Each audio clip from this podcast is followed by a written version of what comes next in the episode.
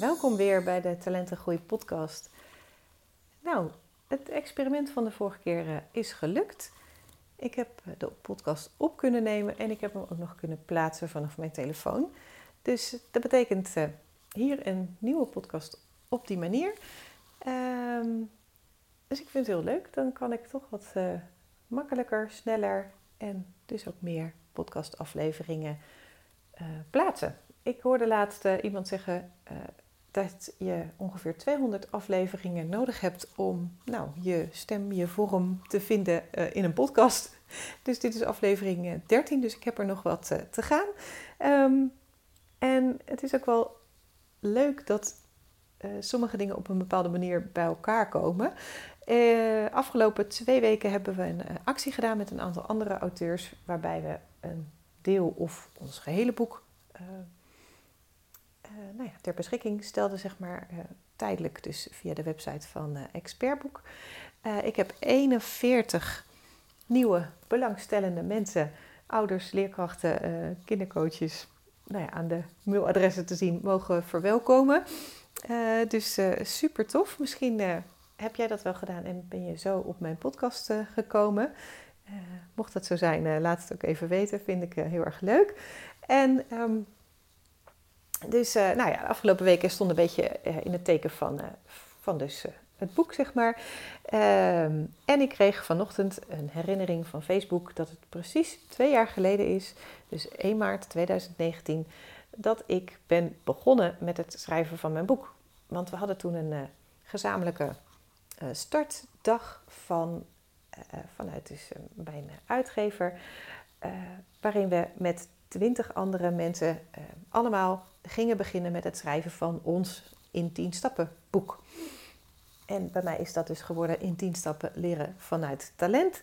En um, nou ja, dat uh, vond ik wel een heel leuk bericht. Ik vond het toen heel spannend natuurlijk. En uh, nou, ik schreef van nou, nieuw avontuur uh, is begonnen.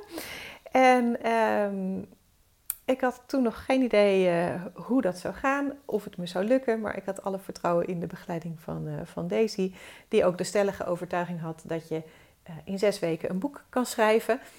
Ehm, dat heb ik ook gedaan, nou ja, zeven weken, maar ehm, naast gewoon het gezin en mijn werk en allemaal andere dingen. Dus, um, en dat is echt volledig te danken aan de goede structuur die zij had uh, neergezet. En uh, de begeleiding natuurlijk. Um, maar zoals ze zelf zei, van ja, je moet het wel uh, zelf schrijven natuurlijk. En um, nou, dat heb ik ook gedaan. En um, nou ja, nu ook mijn experimentje met de podcast was gelukt, dacht ik, nou, ik vind het eigenlijk wel leuk om je de komende dagen mee te nemen in de in de tien stappen vanuit mijn boek.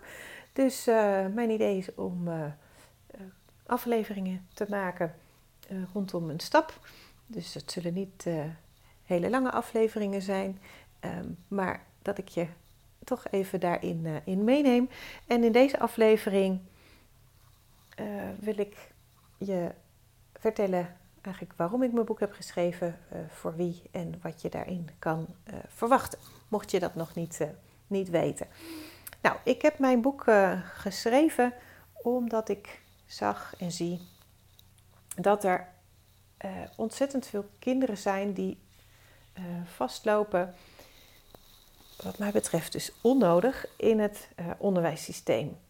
En daarin eigenlijk niet tot hun recht komen. En het zijn allemaal kinderen die hele mooie kwaliteiten hebben en talenten, maar die dus gefrustreerd raken doordat niet goed gaat op school. En dat is niet omdat ze het niet kunnen, maar dat is omdat zij uh, op een andere manier uh, denken en leren. En ja, dat sluit onvoldoende aan op de manier waarop het volgens de meeste schoolmethodieken wordt aangereikt. En nou ja, daardoor lukt het hen niet. Dus wat ik met mijn boek wil is nou ja, dat we een andere kijk op leerproblemen ontwikkelen uh, die gericht is op uh, de sterke kanten en talenten van kinderen en niet zozeer op uh, dingen, ja, tekorten of stoornissen of labels. Hè, maar dat we gewoon gaan kijken van nou, wat kan een kind wel en hoe kunnen we daarop aansluiten zodat het wel lukt. En nou, dit boek heb ik geschreven voor ouders. Uh, laatst vroeg iemand van, oh, waarom eh, eigenlijk voor ouders? Ehm, en ik zei van nou, ouders zijn vaak degene die op zoek gaan. Want ook leerkrachten zien wel dat er bij sommige kinderen meer in zit dan eruit komt. En dat ze ook wel zich afvragen van nou, hoe komt dat nou en wat kunnen we nou doen? Maar ja, zij hebben nog dertig andere kinderen en ze hebben gewoon de tijd niet om voor één kind zeg maar op zoek te gaan van nou, wat, ehm, ja, wat moeten we nou doen? dus die ouder die, ja, die ziet en die voelt van nou, volgens mij moet het anders kunnen. En nou ja, die gaan op zoek en um, zodoende kwamen ze ook uh, bij mij. En ehm, heel vaak kreeg ik te horen van, uh, jeetje, hadden we dit maar eerder geweten? Of ik ben ook uh, samen met de intern begeleider op zoek gegaan, maar die wist het ook niet. Dus ja, toen hebben we maar um, nou ja, gekozen wat, hè, wat er altijd was voor begeleiding. En ja, dat zij toch een tijdje later ontdekken van nou, dat werkt niet. Nee, dat vind ik wel logisch, want het was meer van hetzelfde, even zo gezegd. Ehm, en niet echt anders. Um, en dat er dan dus ook heel veel kostbare tijd, soms maanden, soms zelfs een heel schooljaar, uh, verloren gaat voor deze kinderen. Um, ja, omdat ze dan bezig zijn op een weg ja, die niet. Uh, voor hen de makkelijkste is, zeg maar. En um, ik zit er zelf middenin, dus ik zie, um, ik vind het zelf eigenlijk zo logisch, maar uh, dat het anders um, moet. En ik weet ook hoe het anders kan. maar ik merk steeds vaker dat, uh, ja, dat er toch nog uh, weinig bekend is dat, het, dat er andere manieren zijn. En nou ja, dat vind ik gewoon zonde. En ehm, daarom dacht ik van, nou ja, uh, ik heb natuurlijk mijn website en ik kan uh, ouders en kinderen uh, helpen. Um, maar ja, dan is mijn rijkwijde zeg maar beperkt. Dus um, als ik het in een boek zet, dan nou ja, kan dat meer ouders en leerkrachten ook bereiken. Want dat laatste is wel wat er gebeurt. Ook leerkrachten, intern begeleiders, uh, mensen uit de jeugdzorg, uh, nou ja, kindercoaches die op een, uh, op een andere manier met kinderen werken, of andere mensen met een praktijk, of GGD-artsen. Um, die hebben natuurlijk allemaal te maken met die kinderen die vastlopen en die bepaalde ja, problemen, zo gezegd, laten zien, die hun oorsprong hebben in het leren. En um, nou, ook nu weer met die uh, boekactie zie ik aan de mailadressen zeg maar, die mensen natuurlijk doorgeven, dat er ook weer mensen uit het onderwijs zijn of andere professionals die met kinderen werken. En nou, dat vind ik alleen maar super tof, want naar mijn idee moeten we het ook echt samen doen. als ouder kun je het niet alleen en als school kun je het ook niet alleen. dus we zullen daar samen in uh, moeten uh, optrekken. Dus dat is ook niet voor niks een stap in mijn boek, maar dat komt vanzelf een keer langs. Um, uh, in mijn boek ga ik dus uh, in op die andere manier van leren. Want daar begint het bij. Hè? Je moet eerst inzicht hebben daarin en het bewustzijn dat dat bestaat. En um, nou, in het boek, het is heel praktisch geschreven. Dat is logisch, want ik heb het vanuit de praktijk geschreven. Uh, natuurlijk zitten er wel theoriestukken in per stap, maar uh, elke stap, daar zit ook een praktijkvoorbeeld in van een ouder uit de praktijk of van mijzelf. Want nou, het is niet voor niks dat ik nu doe wat ik doe, omdat ik zelf ook heb ontdekt dat ik anders leer. En dat was pas toen ik midden 30 was. En ik gun het kinderen om dat eerder te ontdekken. Hè, dat ze weten hoe zij denken en leren, uh, zodat het makkelijker voor hen gaat. En als iets makkelijker gaat, dan is het ook leuker en heb je ook meer vertrouwen uh, in jezelf en in hoe jij de dingen aan kunt pakken. Dus um, die praktijkvoorbeelden die illustreren ehm, mooi de stappen uit het boek. En ehm, nou, daarbij, ehm, om het echt praktisch te maken, zit er ook een opdracht bij ieder hoofdstuk, zeg maar. nou, die je gewoon eigenlijk ja, meteen kan doen. en nou, ik kon niet alles kwijt uh, in het boek zelf. dus ik heb er ook nog een uh, werkboek bij gemaakt. Waarmee ik nou ja, nog wat uh, meer dingen kon, kon illustreren. En ik heb er extra stappenplannen in kunnen stoppen. En verwijzing naar video's. mooie quotes staan erin. En nou ja, natuurlijk ruimte om de opdrachten uit te voeren. Ook met wat voorbeelden erbij. Want als ik dat allemaal in het boek zou doen, dan zou het boek te dik worden. Maar nou ja, een digitaal werkboek is dus een mooie uh, oplossing daarin, denk ik. Dus uh, als je het boek aanschaft of leest, er staat, in het boek staat een, een, link, dus dan kun je die downloaden. Dus ook als je het boek uit de bib leest of van iemand leent, dan kun je daar natuurlijk gebruik van maken.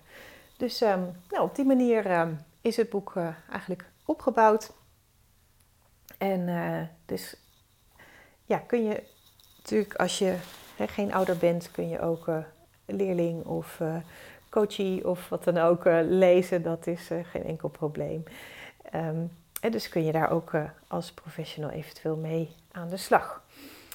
Dus um, nou, met het boek um, hoop ik zoveel mogelijk mensen te inspireren om bij de kinderen te kijken naar hun talenten en hen te helpen om die in te zetten. Nou ja, nogmaals, zodat het leuker en makkelijker wordt. En dat zij daardoor met plezier naar school gaan en nou gewoon gelukkig zijn met wie ze zijn. En dat ouders ook het vertrouwen hebben dat ze hun kind kunnen helpen. En dat ze dat het beste kunnen doen vanuit de talenten van hun kind. Door te kijken naar wat er wel kan.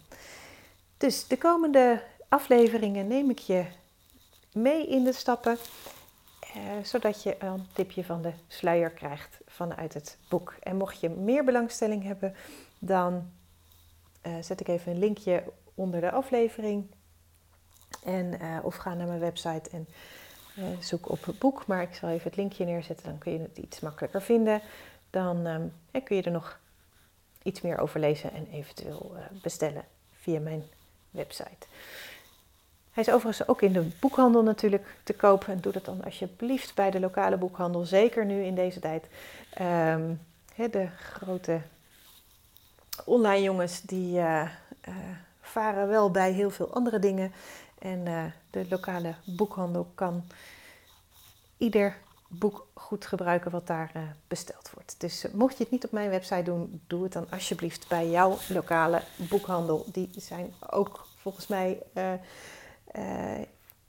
in staat om het thuis te brengen, eventueel. Dus uh, nou goed, dat eventjes terzijde. Maar uh, nee, sorry, ik ga daar toch nog eventjes op in. We hadden in het kader van de boekactie ook een, een bijeenkomst op Clubhouse, een nieuwe app.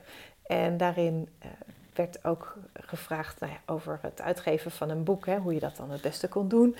En nou ja, toen vertelde Daisy ook van dat de grote online bestelmogelijkheden, zeg dat die uh, eh, 47% uh, eh, van de, uh, nou ja, de kosten van een boek krijgen. Dus dat is heel veel. En